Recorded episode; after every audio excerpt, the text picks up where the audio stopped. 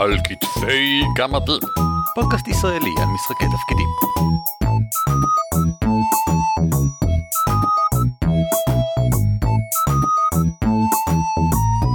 שלום וברוכים לפרק 193 של על כתפי גמדים, פודקאסט ישראלי העוסק במשחקי תפקידים. שמי הוא ערן אבירם.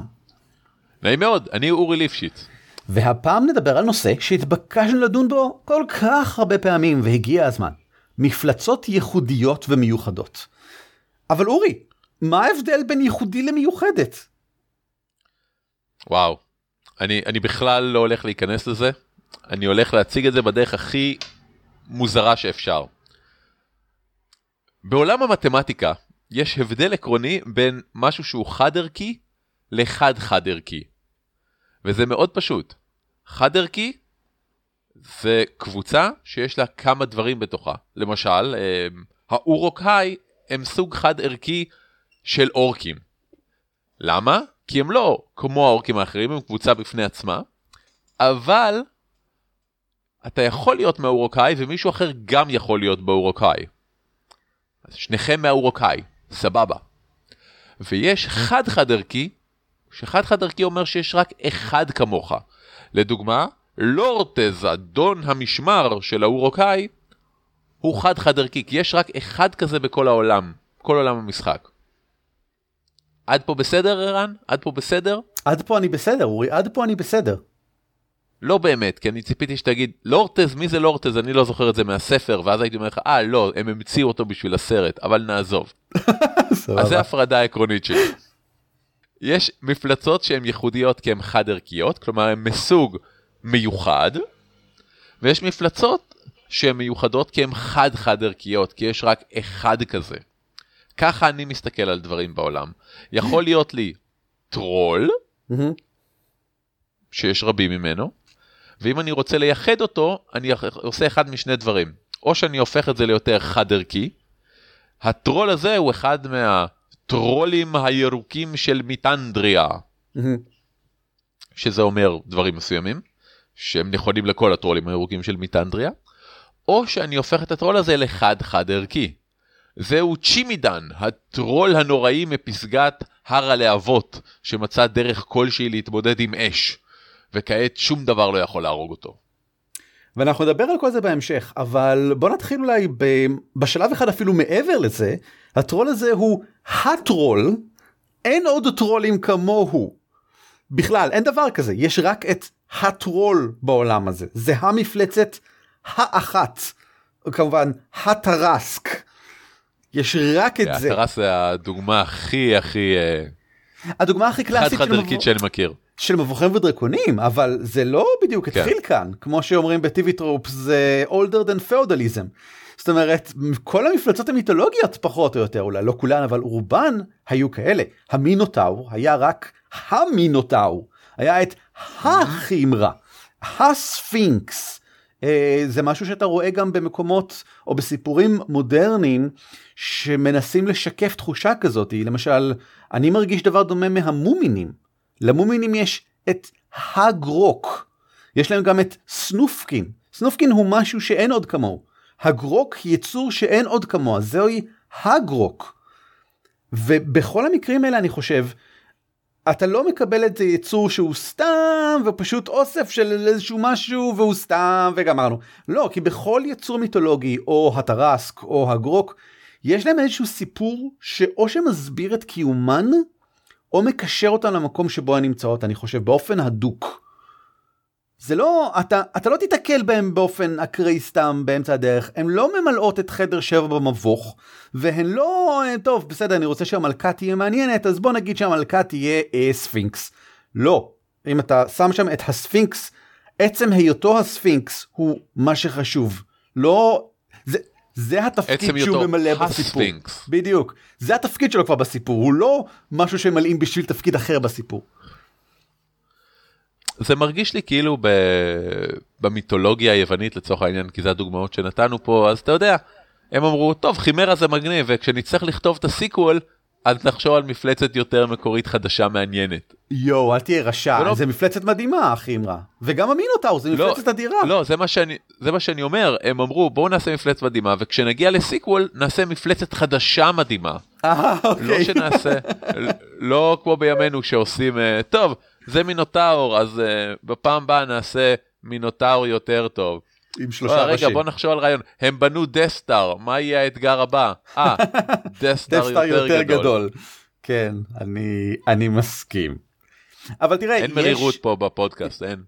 זה יהיה עוול מאוד גדול אם לא תשתמש ביצור חד חד חד ערכי שכזה לתפקידו, וזה יהיה עוול עוד יותר גדול אם תשתמש בו לא לתפקיד הזה. זאת אומרת, אולי אני מגזים, אבל אני אוהב שאם מופיע בסיפור שלי ספינקס, זה יהיה הספינקס, או לכל היותר אחד משלושת הספינקסים.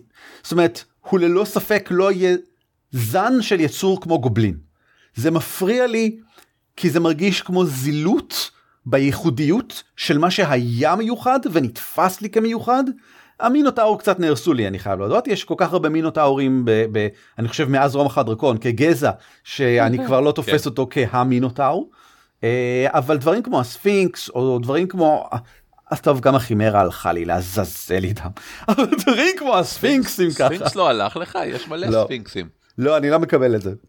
אני לא לא היה רוצה לך את אותם. השלב הזה בגיל 16 שאמרת יש לי חידה ממש טובה אז במקום לחשוב איך להפוך אותה למשהו בתוך העלילה אני פשוט אשים ספינקס שישאל אותה כי זה קל יותר.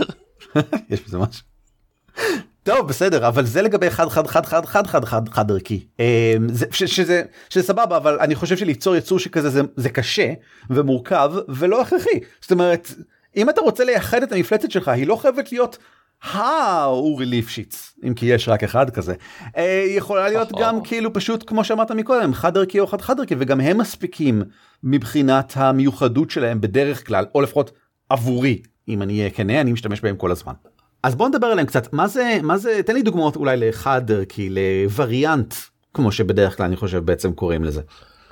אני, אני בדרך כלל כשאני חושב על, על וריאנטים אני לוקח גזע כלשהו אני אבדל אותם במשהו שהוא שונה מהותית משאר הגזע שלהם. אני אתן לא יודע דוגמה בנאלית אה, אלפים אפלים Mm. הם לא עוד סוג של אלפים. יש בהם משהו שהוא אינהרנטלי מהותית שונה מגזעי האלפים האחרים. זה לא כמו אה יש לנו את אה, גמדי ההרים וגמדי הגבעות שהם גרים בהרים וגרים בגבעות לא. כן. משהו פה שונה עקרונית מהותית בסיסית וזה מהדברים שהם מאוד מעניינים בשבילי לפחות כשאני אומר וריאנט ייחודי אני אומר ברמה המכנית יש כאן משהו שמבדל את הקבוצה הזאת מהקבוצות האחרים, האחרות. ואני מבדיל את זה מהבדלים פלאפים, שהם לרוב הבדלים תרבותיים.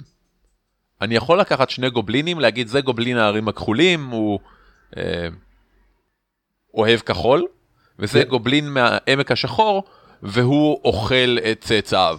יפה. עדיין לא מצאתי פה הצדקה, בעיניי לפחות, מכנית עמוקה, שמגדירה את ההבדל שזה גזעים שונים ולא רק הבדל תרבותי.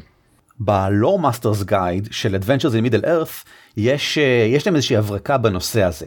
הם הרי אומרים בסופו של דבר באמת מה יש איזה סוגים של יצורים רעים יש בעולם של אה, טולקין זה הרי Adventures in Middle Earth יש אורקים ויש גובלינים ותגיד שיש תת סוגים של אולי שלהם אבל האמת היא שגובלין זה בעצם שם אחר לאורק אז אפשר להגיד שיש רק אורקים. עכשיו זה תאורטית נשמע משעמם אבל הם אומרים אה אז בואו נבדיל ביניהם. מאחר ואין את ההבדלה הקשה של אמ, אלפים בהירי אור ואלפים אפלים אה, שהם אול- אולי זה מגניב אני חושב אני אוהב את זה אצל האלפים בגלל שזה אלגנטיות אתה יודע של אה, חן ויופי ואלגנטיות חן ויופי של הרג. זה כאילו הם של אכזריות כזאת. זה, זה השיקוף יפה בין שני סוגי האלפים. באורקים אין את זה או לפחות אין את זה בעולם של טולקין אז כדי להבדיל ביניהם באמת הם הולכים רק לכיוון התרבותי אבל הם עדיין נותנים להם יכולות מכניות פיזיות.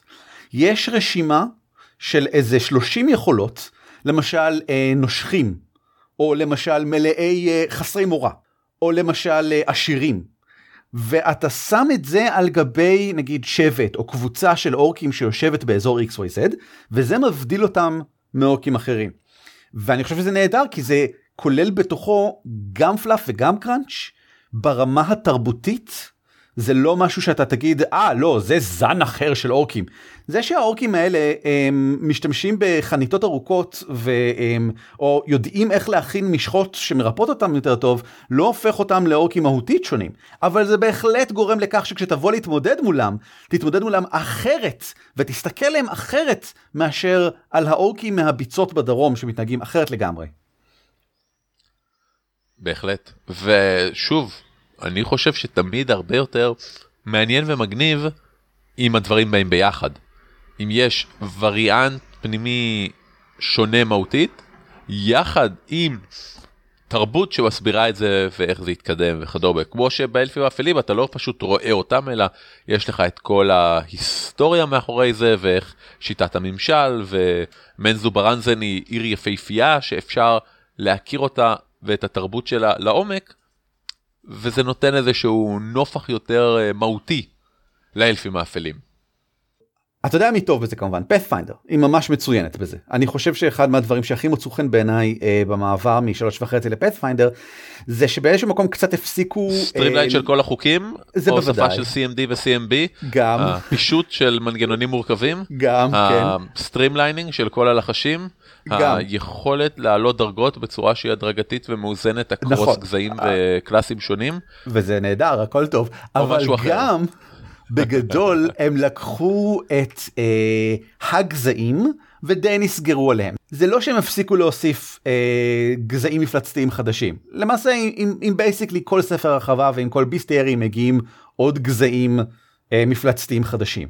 אבל לא הרבה מאוד וגם נוטים להיות מוגבלים אם הם מציגים אה, גזע חדש הם יסבירו איפה הוא נמצא בדרך כלל ומה הוא עושה שם כך שלא תהיה ציפייה של אה אוקיי הנה שמופ שלופ שמופים אותם עכשיו אפשר לראות בכל מקום כמו קובולדים. לא.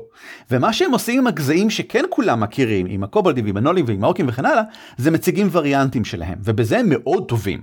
ולא רק שלהם, גם של דברים אחרים, גם של מומיות, וגם של אה, הרפיות, וגם של כל מה שאתה רק רוצה, אני חושב, כאילו דברים שהם לא נוהגים לעבור אה, המרה שכזאת, לא נוהגים לעבור ייחודיות שכזאת, כי בדרך כלל אתה פוגש הרפיות וזהו, זה ההרפיות. לא, בפאת'פיינדר אתה בדרך כלל תפגוש הרפיות מסוימות. ואני חושב שזה מאוד חשוב, אה, גם כי זה עוזר לתת תחושה שזה עולם מגוון ומעניין, וגם כי זה בהחלט הופך את המשחק המכני למגוון ומעניין. זה לא יהיה אותן הרפיות כמו האלה שהיו שם וככה וככה. אני חייב להגיד שבהתחלה אני הרגשתי קצת מרומה. כי אה, קנית ספר מפלצות חדש של Pathfinder ופתאום אתה רואה אה, גובלינים ועוד גובלינים ועוד גובלינים, שלוש עמודים של גובלינים של goblin hunting party, גובלין שמן, גובלין זה, ואתה הרגשתי קצת מרומה. אבל, יאמר לזכותם, שזה יעיל להחריד בשבילי כמנחה, כשאני אומר, טוב, אני לא רוצה עכשיו התקלות עם גובלינים כי זה משעמם, אבל הנה goblin hunting party, וזה מעניין. אז זה חוסך לי המון עבודה של לקחת גובלינים וליצור מהם משהו שהוא גם מעניין אבל גם מאוד סטריאוטיפי לגובלינים. עכשיו אמרת משהו בכלל מטרף את השכל אמרת אפשר לקחת יצור סטנדרטי ולשים אותו בתפקיד או במטרה יוצאים מאלה שבדרך כלל בהם הוא נמצא וזה כבר מייחד אותו גם כן אפילו אם לא עשתה שם שינוי אחר ועכשיו פצצת לי את המוח. בום. בום. כי ה goblin hunting party מגיע לך אתה יודע אה, כמה ציידים רוכבים על אה, כלבי, אה, כלבי גובלינים, וכנראה איזשהו tracker שהוא ranger, ועוד איזה שני חבר'ה שהם ה-war drummers שעושים להם את ה... שהם ברדים בעיקרון שנותנים להם בונוסים ואמורים גם uh, לעשות רעש כדי לגרום למה שהם צדים לברוח לכיוון אחר. עכשיו, הם באים לך כבר יחד עם טקטיקות לחימה והם עובדים ביחד היטב, כי, כי זה, זה מה שהחבר'ה האלה עושים, הם הנטינג פארטי. אז זה פותר לי כמנחה כל כך הרבה כאב ראש, של אוקיי, בהרפתקה הזאת יש גובלינים, ואני רוצה שיהיה קרב, ואני רוצה שהוא יהיה מעניין. אה, הנה גובלין הנטינג פארטי, והנה הטקטיקה שלהם, ואיך הם פועלים וכל הסטטיסטיקות שאני צריך כדי שיהיה קרב נורא מעניין למרות שזה סתם כמה גובלינים. סתם ממש בגרשיים ממש גדולים. סבבה אז מבחינת כלים אמ, אני רואה את הדרכים הבאות. אם אנחנו רוצים ליצור מפלצת שהיא וריאנט ייחודי או מובדלת תרבותית אני לא חושב שההבדל בין שני הדברים האלה הוא מאוד משמעותי. אמ, ישנם שתי דרכים עיקריות לעשות את זה האחת זה לתת תבנית כלשהי אה, מושג שקיים כבר הרבה זמן בעולם משחקי התפקידים וזה משהו כמו למשל אה, זומבי או מוכה מחלות או whatever שזה פיסת מכניקה בדרך כלל גם גם crunch וגם fluff זאת אומרת אם הוא מוכה מחלה בדרך כלל יש איזשהו הסבר זה בדרך כלל המגפה האדומה או whatever אם הוא זומבי זה כנראה לא סתם זומבי זה כנראה זומבי שכבול למקום מסוים בקסם כלשהו וכן הלאה. ושמים את התבנית הזאת על גבי היצורים האלה והנה ב- כאילו בבת אחת והיא בבום. משנה את הסטטיסטיקות שלהם בהתאם כדי להיות יותר אה, משהו שונה מתאים זה למה אחר. שאנחנו היינו מצפים שיהיה. בדיוק כן, בדיוק. כן. אפשרות שנייה היא לשים אותם באמת בסביבה לא סטנדרטית עבורם בתפקיד לא סטנדרטי בסידור לא סטנדרטי אמ, אם אני פוגש למשל אמ, סהוגינים שנמצאים אה, באמצע המדבר אני צריך עכשיו למצוא איך ומה ולמה אולי מה? מה? מה? זהו סהוגינים זה יצורי מים למה הם נמצאים באמצע המדבר אז ככה אולי אלה הם סהוגינים שמשתמשים בלכשי בועת מים שזה לחש קיים דרך אגב דרג 2 לדעתי שיוצר בועת מים סביבך או למעשה אמור להיות סביב אויב אבל הם משתמשים בזה על עצמם והם שוחים דרך זה ונעים דרך זה על המדבר. ולא יצרתי מכנית שום דבר חדש לא הלבשתי עליהם כרגע לא הפכתי אותם לסהוגיני מדבר. פשוט בהתחשב בכך ששמתי אותם בסביבה לא סטנדרטית והייתי צריך למצוא איזשהו פתרון ולהגיד אז איך הם מתנהגים? אז מה הם עושים? עם מי הם באים? יש להם שני war drummers כאלה זאת אומרת מה קורה כאן? וזה הופך את זה בגלל שאני צריך למצוא רציונל למעניין לשונה מסתם שלושה סאוגינים. אז אלה הן הדרכים היותר פשוטות אבל בוא נלך לאיזשהו משהו בוא תעשה, תעשה איתי תרגיל אורי תעשה איתי תרגיל אוקיי אני רוצה לעשות תרגיל. בוא ננסה ליצור מאפס לא לקחת מפלצת קיימת שזה מה שעשינו עד עכשיו אלא ליצור מאפס יצור שהוא מיוחד וייחודי סבבה סבבה. אני עומד ליצור את שומרי החומה של אגם הערפל. אה, ספוילר קצר או. טיפה יצרתי אותם לפני תחילת הפרק ולכן יש לי שם בשבילם כבר. אני אטען שבסופו של דבר אפשר תמיד לעשות את זה בשלושה צעדים בסך הכל ברמות שונות של פירוט. צעד ראשון זה לקחת רכיב כלשהו, למשל יצור קיים. זאת אומרת, אם מה שעשינו מקודם זה לקחת יצור קיים והמשכנו עם שני הצעדים הבאים בעצם. אז הפעם נעשה את זה אחרת, ניקח רכיב כלשהו. ואני, בוא נתחיל בכך שאני בכלל שואל למה אני רוצה מפלצת חדשה, לאן אני רוצה אותה, ואני אומר, אוקיי, יש כאן את אגם הערפל, הדמויות עומדות להגיע לכאן. כל מה שאני יודע לגבי המקום הזה שיש בו ערפל, כי אני חושב שזה יהיה מגניב בשבילי להסתובב במקום שלא רואים כמו שצריך. אני רוצה איזה שהם יצורים שמסתובבים בערפל. אז הנה, אני צריך יצורי ערפל. נתחיל בזה. הרכיב אם ככה עומד להיות אה, אור, ערפל. לא, ההפך, אור, אני רוצה שיראו דרך הערפל את היצורים. אתה מבין? או. זה שיעשו אור, אז, אז אור, הנה, אור, מנורה, נגיד. שלב שני, זה לשלב את מה שיש לי עם רכיב של יצור אחר, או של חפץ, או של הסביבה. או לעוות את הרכיב בהשראת ייעוד או אווירה. זה ארוך, זה מורכב, אז אני אפרט את זה. למשל, אני יכול לשלב את הרכיב עם רכיב של יצור אחר. אה, זה נראה כמו מנורה, אז אה, אה, אני יודע. תמנון, תמנון, זה נראה כמו תמנון.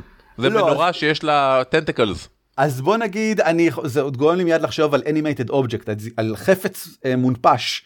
אה, אז אולי זה גולם, גולם שיש לו מנורה בחזה שלו. שילבתי את זה עם יצור אחר. אה, אני יכול לשלב את זה עם חפץ. אה, מנורה ו... אה, בוא נחשוב על... אה, אה, אני יודע, עמוד. מנורות נמצאות על עמוד. אז זה יצור שלא זז. זה לא, אולי לא יצור, אולי זה בכלל איזשהו סוג של סכנה, זה מנורה שתלויה על עמוד, אוקיי, או עם הסביבה איכשהו.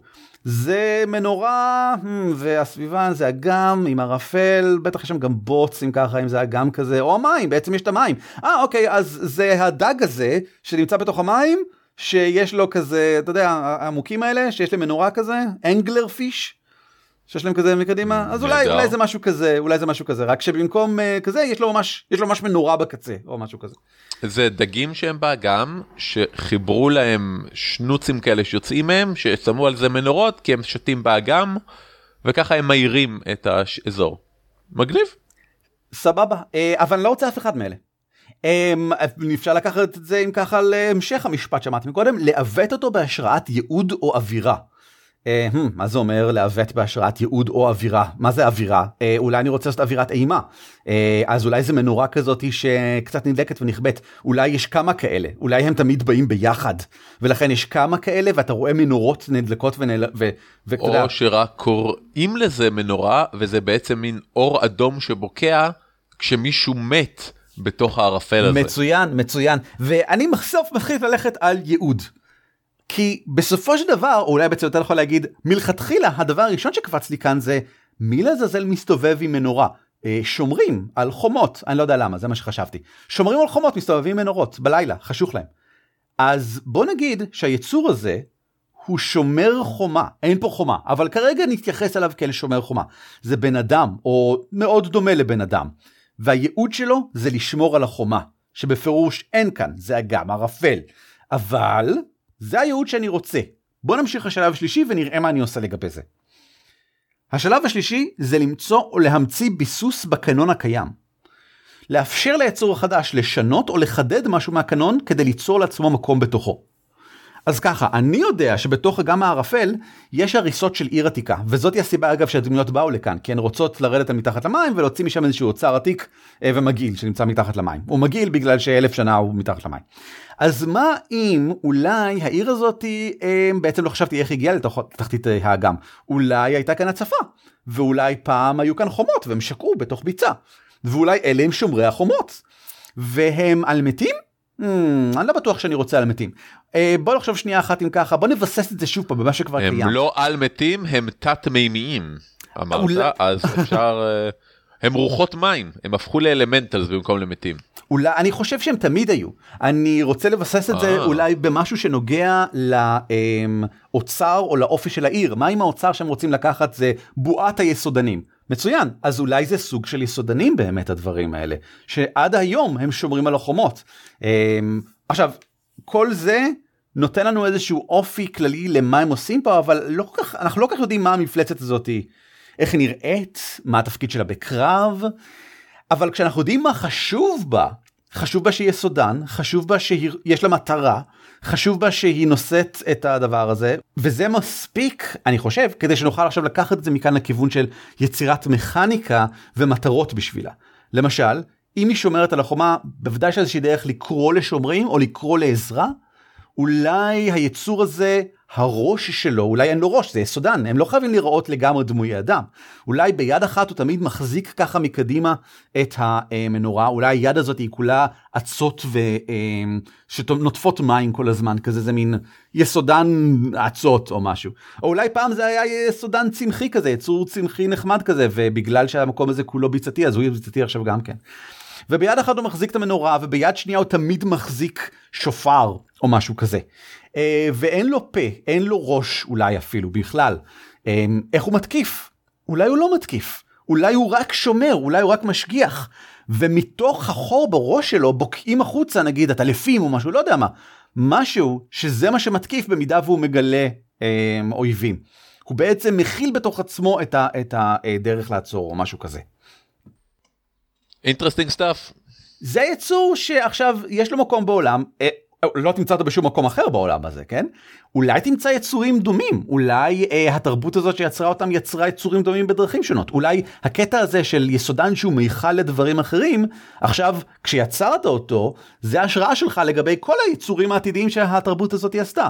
אולי יש להם, לא יודע מה, אולי תיבת האוצר, או אהבתי, היא יסודן שבתוכו בעצם יש את האוצר.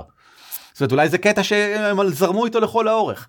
כי, כי עכשיו שזה להיות מיוחד, זה פשוט לא מספיק בעיניי. זה צריך להיות מיוחד בהקשר לעולם, בהקשר למתרחש, בהקשר לקנון, ובתקווה, בהשראה לעתיד של הקנון גם כן.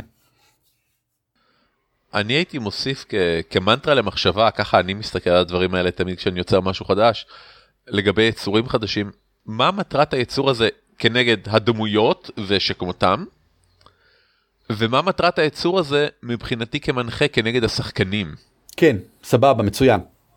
זה, זה דברים שחשוב מאוד לזכור, כי היצור הזה, אמרנו, אוקיי, מטרתו הוא להיות אה, אתגר שומר על החומות שמפריע לדמויות להגיע אל מתחת למים.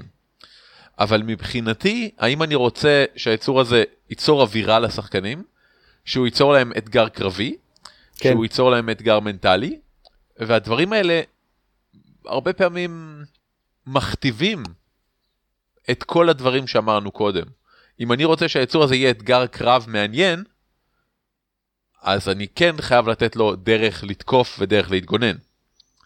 אם אני רוצה שהוא פשוט יעייף את הדמויות לפני שהן מגיעות לאתגר הבא, כדי להפוך אותו לקשה יותר, אז אני צריך לתת לו יכולות אחרות. אני צריך לתת לו איזשהו יכולות שמבטלות יתרונות שיש לדמויות.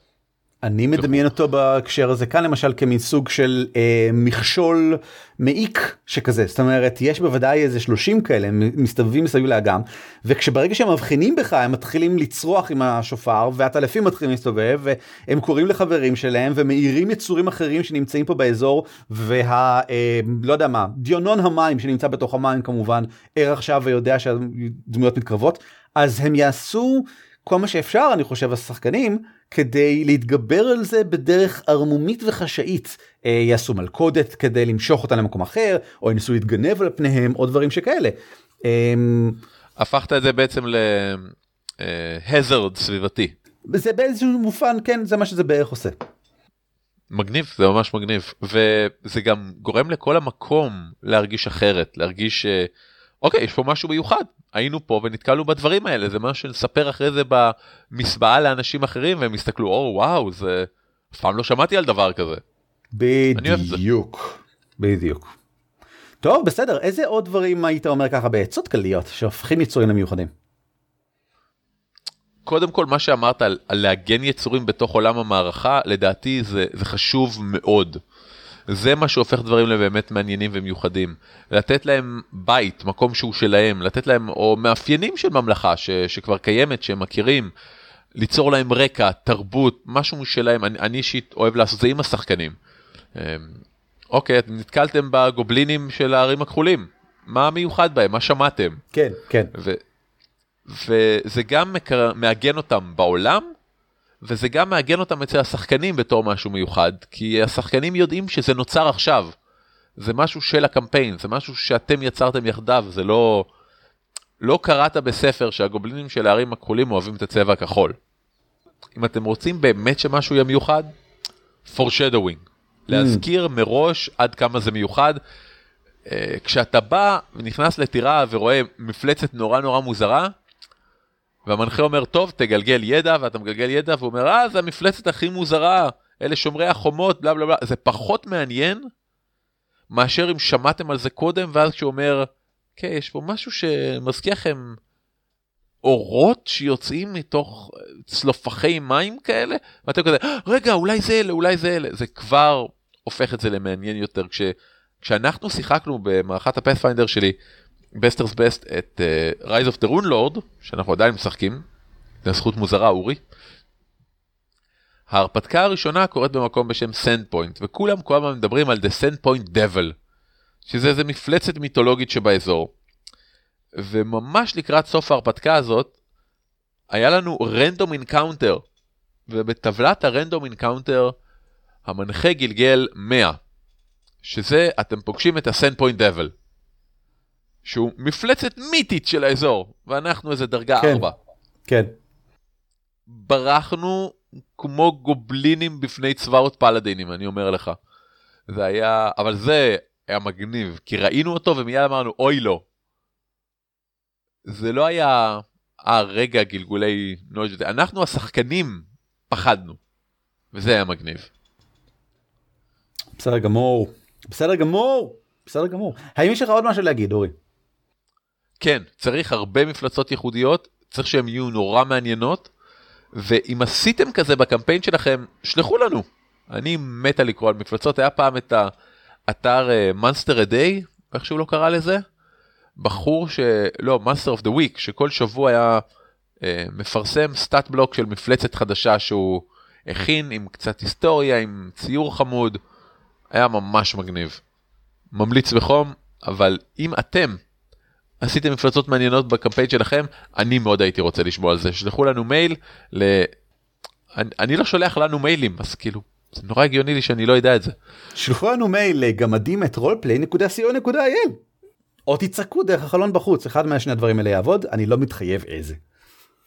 או שתיקחו יונה, תצלו אותה על אש, תשתלו אותה מתחת להזדרכת, יפה. ואז לאחר ארבע שנים תוציאו אותה, כן. ותלחשו את שמנו, ואנחנו נשמע את מה שאתם אומרים.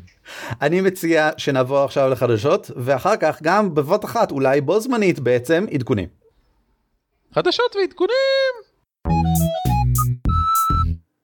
רק כמה דברים חדשים. דבר ראשון, העותקים של קוסמים קטנים, העותקים הפיזיים של משחק התפקידים הדמיוני להורים וילדים, אמורים להגיע כבר ממש השבוע או שבוע הבא לרוב התומכים. אז אם לא קיבלתם, אנא פלו לעמוד הפייסבוק של קוסמים קטנים, ושלחו הודעה אם uh, יש איזושהי בעיה, כלשהי, משהו, אנחנו רוצים לדעת, כי אנחנו רוצים שתקבלו את העותק שמגיע לכם. עוד דבר, בתוכנית TableTop בערוץ היוטיוב Geek and Sundry, עלה פרק שעוסק ב Fate Core ומציג את המשחק. הוא לא בדיוק מסביר את החוקים, אבל הסברנו את החוקים בפרק שלנו שעשינו על הסברת אה, החוקים של Fate, אבל הוא כן מציג את האופן שבו מנוהל המשחק למנחה שמכיר אותו היטב. וכל הקטע המוזר של אספקטים, איך הם נוצרים, איך מושכים אותם, דוחפים אותם וכל מה שקורה איתם, אתם יכולים פשוט לראות ב-55 דקות של הקלטת משחק. זהו, אם פספסנו משהו, אם יש חדשות שאתם חושבים שכדאי שאנשים ידעו עליהם, אם יש עדכונים שלדעתכם חשוב שאנחנו נהיה מודעים אליהם, צרו איתנו קשר בגמדימטרולפין.co.il או שלחו לנו הודעה ישר לעמוד הפייסבוק שלנו, או אפשר גם לטווטווט לעברנו, טוויט טוויט טוויט, בטוויטר, שם אנחנו גמדים פודקאסט. רק עניין אחד אחרון, אולי שמתם לב שאנחנו מתקרבים לפרק ה-200 שלנו. אנחנו מתכוונים לעשות אותו כנראה בדומה לאיך שעשינו את פרק ה-100. משהו נחמד כזה, עם הסתכלות על העבר ובעיקר כל מיני קטעים שירדו בעריכה במהלך 100 הפרקים האחרונים. אם יש לכם רעיונות אחרים, אם יש לכם מחשבות או הצעות לגבי איך הייתם רוצים לראות את הפרק הזה, כדאי שזה יהיה דברים מהסוג שאנחנו מסוגלים להפיק, בהתחשב בשעות שאנחנו מקדישים לעל כתפי גמדים מדי שבוע בכל מקרה. מצוין, צרו איתנו קשר בדרכים שכבר ציירנו מקודם, ואנחנו מתעניינים לדעת. אחרת, פשוט נראה אתכם, או תקשיבו לנו בעצם, כרגיל, בשבוע הבא. להתראות. על כתפי גמדים משותף ברישיון שיתוף ייחוס זהה Creative Commons 3. כלומר, אתם מוזמנים להפיץ אותו היכן ומתי שתרצו, כל עוד אתם נותנים קרדיט למקור. הצוות שלנו הוא ערן אבירם, אורי ליפשיץ ואביב מנוח, וניתן למצוא אותנו באתר שלנו ב-dwarves.org.il, בפייסבוק, בטוויטר או בגוגל פלוס, או לשלוח לנו מייל לגמדים את roleplay.co.il. על כתפי גמדים מוגש לכם בחינם, ואם אתם רוצים לתמוך בנו, היכנסו בבקשה ל-dwarves.org.il/support.